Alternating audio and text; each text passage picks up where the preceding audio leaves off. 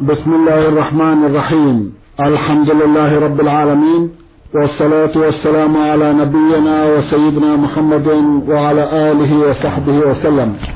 مستمعي الكرام السلام عليكم ورحمة الله وبركاته.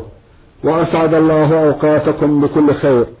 هذه حلقة جديدة مع رسائلكم في برنامج نور على الدرب. رسائلكم في هذه الحلقة نعرضها على سماحة الشيخ عبد العزيز ابن عبد الله بن باز المفتي العام للمملكة العربية السعودية ورئيس هيئة كبار العلماء. مع مطلع هذه الحلقة نرحب بسماحة الشيخ ونشكر له تفضله بإجابة الإخوة المستمعين فأهلا وسهلا. حياكم الله. حياكم الله. أولى رسائل هذه الحلقة رسالة بعث بها المستمع عبد الرحيم أحمد محمد. الأخ عبد الرحيم له سؤالان. سؤاله الأول يقول إذا كان لي زوجة وطلقتها ولي منها ولد عمره ثلاث سنوات وقمت بأخذه منها هل في ذلك شيء؟ إذا كانت غير راضية جزاكم الله خيرا. بسم الله الرحمن الرحيم. الحمد لله وصلى الله وسلم على رسول الله وعلى آله وأصحابه من اهتدى بهداه. أما بعد فإذا كان لك ولد من زوجة طلقتها وهو دون السبع سنين فليس لك أخذه منها إلا برضاها أو من طريق المحكمة. أما التعدي عليها فلا. لا تأخذ الطفل من دون السبع من المطلقة إلا برضاها أو بمراجعة المحكمة. نعم. جزاكم الله خيرا وأحسن إليكم. نعم. أما بعد بلوغ السبع فهذا فيه التفصيل. نعم. إن صلحت إن صلحت أنت وإياه فالحمد لله ولا القاضي ينظر في الأمر. طيب. أما قبل السبع ففي كل حال يتأكد لا لا تأخذه إلا بمراجعة القاضي أو بسماح البنت نعم. سماح أمه. نعم. جزاكم الله خيرا. يقول عندنا عادة متبعة وهي طريقة بدل الزوجات أن يكون لك أخت تعطيها لرجل وتتزوج أنت أخته بالبدل فهل هذا حرام أم حلال؟ جزاكم الله خيرا. هذا النكاح لا يجوز. هذا يسمى نكاح الشرار تزوجي بنتك وأنا أزوج بنتي أو أختي أو عمتي أو بنت أخي كل هذا منكر. لابد أن يكون الزواج ما في شرط امرأة أخرى. يخطب ثم إذا وافقت المخطوبة وأولياءها زوجوه بدون شرط امرأة أخرى. أما شرط امرأة أخرى هذا يسمى نكاح الشرار ولا يجوز منكر. نسأل الله العافية. اللهم آمين.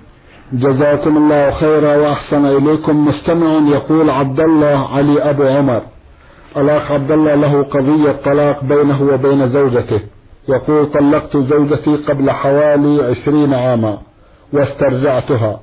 وطلقتها قبل سنة واسترجعتها. وفي هذا الشهر طلقتها طلقة واحدة. لكني لا أدري عن الأحوال التي كانت عليها الزوجة من حيث الطهر أو عدمه. ثم إني أخبركم بأنني رجل مريض مصاب بمرض الأعصاب والضغط. وجهوني كيف يكون الحال بالنسبة لي. جزاكم الله خيرا. إذا كان مضى طلقتان واقعتان فهذه الطلقة هي الثالثة وليس لك رجوع إليها.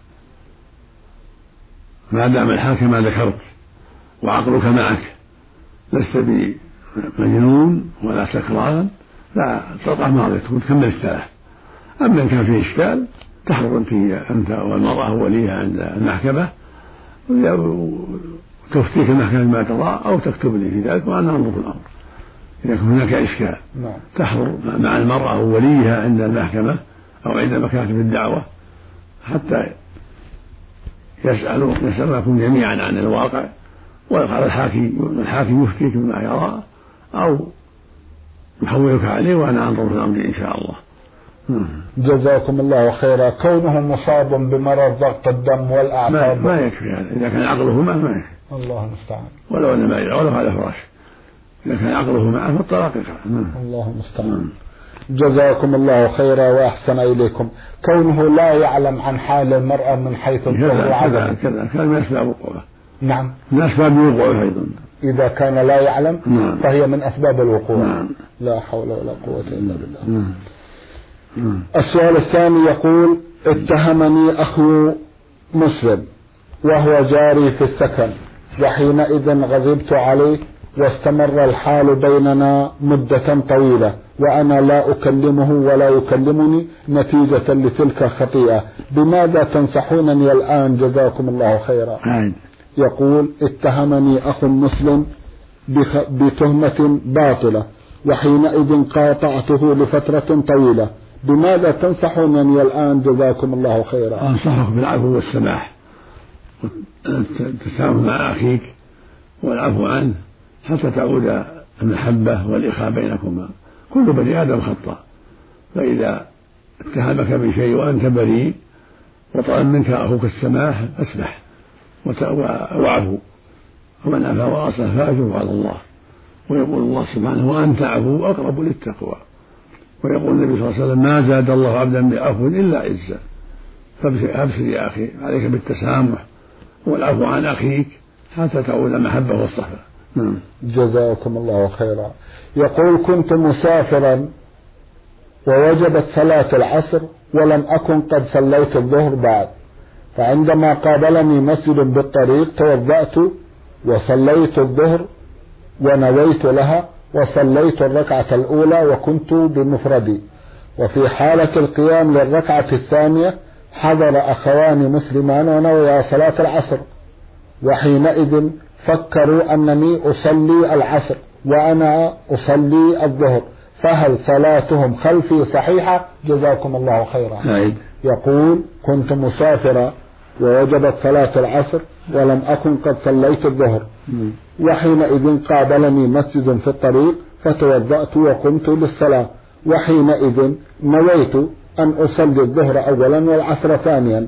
وأثناء صلاتي جاء أخوان مسلمان وصليا خلفي يعتقدان أنني أصلي العصر فهل صلاتهما صحيحة؟ نعم صلاتهم صحيحة. لهم نيتهم وأنت لك نيتك هذا الصحيح هذا الصواب. أنت لك نية الظهر وهم لهم نيتهم العصر والحمد لله. نعم. جزاكم الله خيرا. عندما هممت لإكمال الوضوء في إحدى الصلوات قامت الصلاة فتيممت وقمت للصلاة مع الجماعة وذلك لازدحام المتوضئين وخشية أن صلاة الجماعة تفوتني فهل علي إثم فيما فعلت؟ نعم. عليك إثم وعليك الإعادة. لأن عليك الوضوء ولو فاتت الصلاة. عليك أن تتوضأ ولو فاتت الجماعة الصلاة ولو صليت وحدك. لكن عليك أن تبادر توضأ قبل خوف فوات الجماعة من حين يأذن أو قبل الأذان حتى تكون مستعدا للصلاة. أما أن تتأخر وتتكاسل فإذا قامت الصلاة تيمم هذا غلط كبير. الواجب عليك أن تتوضأ ولو فاتت الصلاة. عليك أن تتوضأ وتصلي بالوضوء. إذا صليت مع الناس بالتيمم وأنت قادر على ما هذا منكر وعليك الإعادة والتوبة أيضا. الله المستعان. جزاكم الله خيرا. المستمع حبيب الرحمن حسن من باب الصفا في مكة المكرمة بعث برسالة يقول إن الإنسان قد يضطر إلى الجلوس في المجالس وقد يكون فيها الشيء الكثير من المزح. فارشدوني إلى المزح الحلال والمزح الحرام. جزاكم الله خيرا. وإذا كان في هذا المجلس مزح حرام وفيه أصدقاء وأخوان فكيف نتجنبه؟ يقول إن الإنسان قد يضطر إلى الجلوس في المجالس وقد يكون فيها الشيء الكثير من المزح. فارشدونا إلى المزح الحلال والمزح الحرام. وإذا كان في هذا المجلس مزح حرام وفيه أصدقاء وأخوان فكيف نتجنبه؟ جزاكم الله خيرا. إذا كان المزح قليلا وهو بحق ليس فيه باطل فلا بأس. أما إذا كثر أو كان به باطل فاجتنب هذا المجلس. أما المجلس القليل بالحق فلا بأس. نعم. جزاكم الله خيرا. ما حكم مصافحة النساء من قبل الرجال؟ هذا فيه تفصيل. إن كانت المرأة زوجتك أو محرما لك أو أمك أو أختك فلا بأس. أما إن كانت أجنبية كزوجة أخيك أو زوجة عمك أو جارتك لا لا يجوز يقول النبي صلى الله عليه وسلم إني لا أصافح النساء. وتقول عائشة رضي الله عنها والله ما مست يد رسول الله إلى امرأة قط. ما كان يبايعهن إلا بالكلام. اللهم صل عليه فلا يجوز للمسلم أن يصافح المرأة الأجنبية أبدا. هذا منكر أعظم من النظر. ولكن يسلم عليها بالكلام وردوا عليها بكلام يسأل عن أولادها بكلام ونحو ذلك من دون مصالحة مع كونها محتجبة مبتعدة عن الشر مع عدم الخلوة أيضا بها لا يخلو بها أبدا. جزاكم الله خيرا. يقول إذا دخل رجل على جماعة وسلم عليهم فهل من السنة أن يصافح كل واحد منهم أو لا يصافح أحدا ويكفي القول أم يصافح البعض دون البعض؟ جزاكم الله خيرا. إن صافحهم فلا بأس وهو أكمل وإن سلم وجلس فلا بأس. يسلم عليهم ويردون عليه ويجلس في منتهى في منتهى الصف منتهى الجلسة. نعم. وإن بدأ بكبير المجلس قصده وصافحه وصافح من حوله أو صافح الجميع فلا بأس. لكن ينظر في الأصلح. كانت مصافحة تشوش عليهم ما هو فيه من علم أو مهمات أخرى يجلس ولا يشوش عليهم. يسلم على الجميع ثم يجلس حيث ينتهي المجلس حتى لا يشوش عليهم. أما إن كان مثله لا يحترم ويحتاج إلى أن يصافح رئيس المجلس وكبير المجلس فيفعل. يعني ينظر ما هو الأصلح وما هو الأنسب. نعم. كل مقام له مقام نعم, نعم. جزاكم الله خيرا وأحسن إليكم. هل المصافحة بيد واحدة أم باليدين معا؟ إن صافح بيد واحدة اليمنى كفى وإن دعت الحاجة إلى أن يضع يده على يده فلا بأس اليسرى على مع زيادة. الأمر في هذا واسع. الحمد لله. واليمنى كافية. وإن وضع يده زيادة على يده باليسرى زيادة فلا حرج إن شاء الله. من باب من باب العناية نعم. والوفاء. نعم. بارك الله فيكم وجزاكم الله خير الجزاء. من سلطنة عمان المستمع أحمد محمد قراقيش أردني بعث يسأل ويقول ورد في الحديث عن رسول الله صلى الله عليه وسلم أنه قال الذهب بالذهب والفضة بالفضة والتمر بالتمر والزبيب بالزبيب والملح بالملح مثلا بمثل سواء بسواء أو كما قال صلى الله عليه وسلم. فهل البيع مثلا بمثل سواء بسواء؟ في هذه الأصناف التي وردت في الحديث فقط أم أنه عام في كل شيء؟ جزاكم الله خيرا. الحديث صريح صحيح رواه مسلم. فيه الشعير أيضا ومثله الذرة مثلها الأرز. مثلها الماس وما أشبه ذلك. المقصود الحبوب والثمار التي تكال تدخر تباع كيلا مثلا مثل سواء بسواء إذا كانت من جنس واحد شعير بر أرز ذرة. أما إذا كان موجود جنسين مثل شعير بذرة شعير ببر فلا بأس بالتفاضل لكن يدا بيد. صاع شعير بنصف صاع من البر. صاع بر بصاعين من الشعير يدا بيد لا بأس. صاع أرز وصاعين من البر يدا بيد لا بأس. صاع من التمر بصاعين من الأرز لا بأس. صاع من التمر بصاعين من الشعير لا بأس وهكذا. إذا اختلف الجنس جاز التفاضل لكن يدا بيد. وإذا كان الجنس واحدا فلا بد من التماثل والتقرب في المجلس. في هذه الأنواع وما شابهها. ومثل ذلك النقود الورقية. نعم. بيع مثلا دولار بدولار يدا بيد. دينار بدينار يدا بيد. فإن كان النوع مختلف مثل دينار بدولارين فلا بأس لكن يدا بيد. دينار بريالين سعودي بثلاثة بأربعة سعودي. لا بأس بكثر أقل يدا بيد لأن الجنس مختلف. نعم. جزاكم الله خيرا وأحسن إليكم. أرجو أن تعطوني فكرة عن الصلاة في الطائرة. وأيهما أفضل الصلاة في الطائرة أم تأجيل الصلاة إلى حين الوصول وحين وحينئذ نصلي جمع تقديم أو جمع تأخير حسب الأحوال؟ جزاكم الله خيرا. الصلاة في الطائرة أو في الباخرة أو في السفينة أو في القطار أو في السيارة إذا دعت الحاجة إلى ذلك. يصلي إلى القبلة يتبع القبلة في الفريضة. يلاحظ القبلة ويدور مع الطائرة ومع الباخرة مع قبلة يسأل. ولا يصلي إلى غير القبلة يدور حتى يصلي القبلة معها وهو في مكانه. أما النافلة يصلي إلى طريقه إلى جهة سيره نعم. إذا كان نافلة. والأفضل أن يلبي أن يحرم القبلة عند الإحرام أولا نعم. ثم يصلي إلى جهة سيره في الباخرة في السفينة في الطائرة.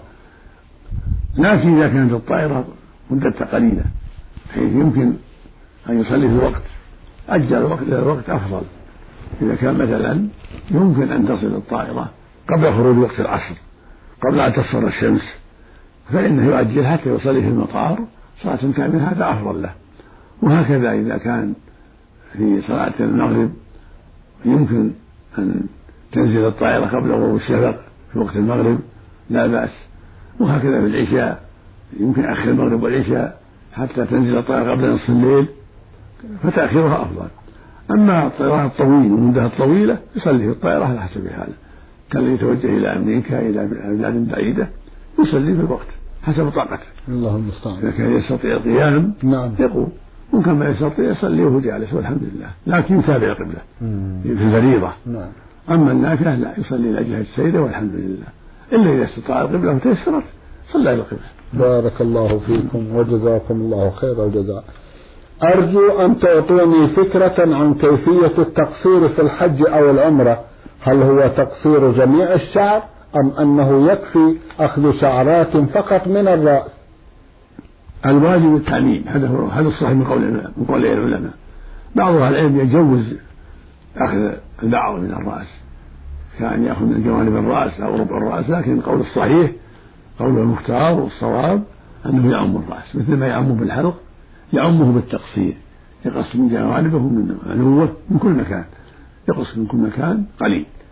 يعمه كله نعم هل هناك عدد محدد لصلاة الجمعة أم أنه يكفي للصلاة مهما كان عدد المصلين؟ في ذلك خلاف بين العلماء وأقوال لكن أصحها يكفي الثلاثة فأكثر. لكن في البلد ثلاثة مستوطنون أحرار فأكثر صلوا الجمعة. فإن كانوا أقل صلوا ظهرا أما الواحد والإثنين صلوا ظهرا لكن إذا كان ثلاثة أو أكثر مستوطنون فإنهم يصلون جمعة الإمام واحد والجماعة اثنين. وهكذا لو كان أربعة أو أكثر. هذا هو المختار. وذهب جماعة إلى أنه لابد من أربعة وآخرون إلى أنه لابد من اثني عشر وآخر إلى أنه لابد من أربعين والصواب أن يكفي الثلاثة. أقل الجمع ثلاثة والحمد لله. الحمد لله. خطيب وهو الإمام وجماعة اثنان نعم. إذا كانوا مستوطنين في البلد. نعم. وهم أحرار نعم. مستوطنون. نعم. جزاكم الله خيرا وأحسن إليكم. إحدى الأخوات المستمعات تقول مرسلة نون حاميم ميم من مكة المكرمة بعد التسع وتقول عندما بلغت لأول مرة كان ذلك في شهر رمضان. ولم أستطع أن أخبر والدتي بهذا لأنني كنت خجولة جدا. ثم جاءتني في المرة الثانية وكان في آخر يوم في رمضان ولم يعلم أحد بهذا. ومن عادة أسرتنا أن نذهب جميعا لصلاة العيد في المسجد الحرام ولأنني لم أستطع إخبار والدتي ذهبت معهم إلى الحرام. وصليت ويعلم الله كيف كانت حالتي. وأذكر أنني عندما كنت أسجد وأركع أقول أستغفرك يا رب إلى أن انتهت الصلاة. ثم بعدها توجهنا إلى المدينة. وعندما وصلنا دخلنا جميعا إلى المسجد. وذهب والدي ليبحث لنا عن مسكن. وبقينا إلى أن انتهت صلاة الظهر. فهل علي ذنب فيما فعلت؟ وأنا الآن قد تزوجت وأنجبت أطفالا ولكنني عندما أتذكر هذا أخاف عقاب الله. وفي بعض الأحيان أبكي من شدة الخوف فبماذا تنصحني يا سماحة الشيخ؟ جزاك الله خيرا. أنصحك بالتوبة. عليك التوبة إلى الله. هذا منكر وغلط. عليك التوبة إلى الله والندم وعدم العودة إلى هذا الأمر. عليك التوبة إلى الله والاستغفار وعدم العودة إلى هذا الأمر. وعليك قضاء الأيام التي ما صمتها أو صمتها وأنت حائض. الأيام التي صمتيها وأنت معك الدم تقضينها. التي ما خبرت أهلك. عليك لأن صيامك لا يصح وأنت معك الحيض. فعليك أن تقضي الصيام الأيام من رمضان في أول عمرك إذا كنت أفطرت أياما إذا كنت صمت أياما وأنت حائض فصومك لا يجزي. ولا يصح فعليك أن تقضي الأيام. قليلة أو كثيرة التي صمتيها وأنت حائض والصلاة باطلة إن صليتي وأنت حائض فالصلاة باطلة. والجلوس في المسجد الحرام ومسجد النبوي وأنت حائض كذلك منكر عليك التوبة إلى الله من ذلك. نسأل الله أن يتوب عليك وعلى كل مسلم. اللهم آمين. الواقع كثير من الأخوات يقعن في مثل هذا الظرف شيخ عبد العزيز. لا يجوز لا يجوز. المجاملة في هذا لا تجوز. وليس في هذا حياء. هذا شيء كتب الله لبنات آدم الحيض وهو مستنكر. اللهم تخبر أمها وتخبر أهلها وتقول أنا من العادة فلا تطوف ولا تصلي ولا تجلس في المسجد تبقى في البيت. الحمد لله. أو عند الباب باب الحرم حتى يخرجوا. المقصود أن هذا ليس في هذا حياء. طيب. الحيض معروف كتبه الله على بنات آدم. يعرفه أبوها وأخوها وأمها. الحمد لله ما في حياء. تقول أنا معي العادة فلا تصلي مع الناس ولا تصوم ولا تصوم مع الناس نعم. ولا تطوف مع الناس. الحمد لله. نعم. جزاكم الله خيرا. وعلى الوالدين أن يتفهموا أيضا. حق عليهم. يسألوها إذا كان عندهم شبهة. نعم. يسألوها حتى يفهموها طيب. أمها وخالتها وأختها الكبيرة. عليهم تفهمها بارك الله الله يهدي الجميع اللهم الله يهدي الجميع اللهم آمين. جزاكم الله خيرا وأحسن إليكم. بعد هذا رسالة بعث بها أحد الأخوة المستمعين يقول لقد كنت أنا وأسرتي ووالدتي في بيت واحد وأنا عملي في منطقة الدمام وبلادي تبعد عن الدمام 180 كيلو متر وتعبت من كثرة الذهاب والمجيء إلى البلد من الدمام.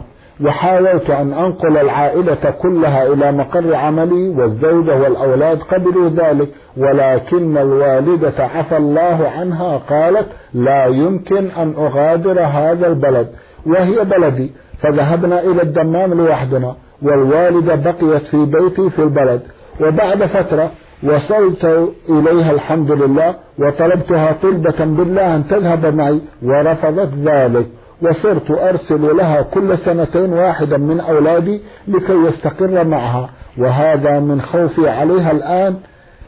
أرجو أن توجهوني في حال هذا جزاكم الله خيرا ولا سيما أن هناك إخوة لي في نفس المنطقة التي تقيم فيها والدتي لكنها غير راضية عنهم ولا تعيش معهم. جزاكم الله خيرا. إذا كانت والدتك تقوم بنفسها عندها قوة وقد سمحت عنك فلا بأس والحمد لله. إذا كانت تقوم بنفسها أو عندها جارات من أخواتها في الله يساعدنها ويقومن بحاجتها فلا بأس ولا حرج. أما إذا كان لم ترضى عنك فالواجب عليك أن تبقى معها. أو في حاجة إليك فالواجب أن تبقى معها وتحسن إليها وتطلب نقل العمل إلى محل محلها. أو تبقي زوجتك عندها وبين وقت وآخر تأتي إليهم. تبقى في محلك. تعمد وتعمل ما يلزم من حاجاتك في الفندق أو في غيره وتذهب إليهم في الوقت العطلة وقت العمل. المقصود أن عليك أن ترضيها. إذا كانت لا ترضى بعملك أما إذا كانت سامحة وعندها من يقوم بحالها من جيران أو أحباب فلا بأس. أما إذا أبت ولم ترضى عنك فالواجب عليك أن تخدمها. وهكذا إذا كانت في حاجة إليك عليك أن تخدمها. وعليك أن تستقر عندها ولو لم يحصل لك النقل. تجعل أهلك عندها وتأتي إليهم في أوقات الفراغ التي ليس فيها عمل لأن برها من أهم الواجبات. الله المستعان. جزاكم الله خيرا وأحسن إليكم. المستمع سلمان محمد البحيري بعث يسأل ويقول رجل ردد منذ مدة طويلة إذا حصل الذي يريده أن يصلي لله ستين ركعة ولكن مع مرور الأيام نسي ما كان يقول فماذا يجب عليه الآن؟ هل يجب عليه الوفاء بالنذر؟ جزاكم الله خيرا. يقول رجل ردد منذ مدة طويلة إذا حصل الذي يريده أن يصلي لله ستين ركعة ولكن مع مرور الأيام نسي هل يجب عليه الآن أن يفي بما نذر به. جزاكم الله خيرا. نعم إذا حصل المطلوب يفي. صلي ست ركعة. يعني ثلاث تسليمة. كل تسليمة ركعتين. يوزعها في الضحى في الليل حتى يكملها. في الليل وفي الضحى وفي الظهر والحمد لله. ولا يتعود النذر. النذر منهي عنه. نعم. لكن الرسول صلى الله عليه وسلم من نذر أن يطيع الله فليطيعه. ما دام نذر في طاعه فعليه يطيع الله لكن يترك النذر في المستقبل. لا ينذر. النبي قال لا تنذروا فإن النذر لا يرد من قدر الله شيئا وإنما يستخرج به من البخيل فلا يتعود النذر. ويسر بأن يسهل حاجته بدون نذر. أما الذي وقع وقد حصل المطلوب الذي نذر من أجله أن الله أعطاه إياه يصلي ستين ركعة فعليه يصليها يعني ثلاثين تسليمة. نعم. في أوقات متعددة حتى يتممها. جزاكم الله خيرا وأحسن إليكم سماحة الشيخ في ختام هذا اللقاء أتوجه لكم بالشكر الجزيل بعد شكر الله سبحانه وتعالى على تفضلكم بإجابة الأخوة المستمعين وآمل أن يتجدد اللقاء وأنتم على خير. نسأل الله ذلك. اللهم آمين. مستمعي الكرام كان لقاؤنا في هذه الحلقة مع سماحة الشيخ عبد العزيز ابن عبد الله بن باز المفتي العام للمملكة العربية السعودية ورئيس هيئة كبار العلماء. شكرا لسماحة الشيخ. وأنتم يا مستمعي الكرام شكرا لحسن متابعتكم. ونحن نرحب برسائلكم على عنوان البرنامج المملكة العربية السعودية الرياض الإذاعة. برنامج نور على الدرب. مرة أخرى شكرا لكم مستمعي الكرام. والسلام عليكم ورحمة الله وبركاته.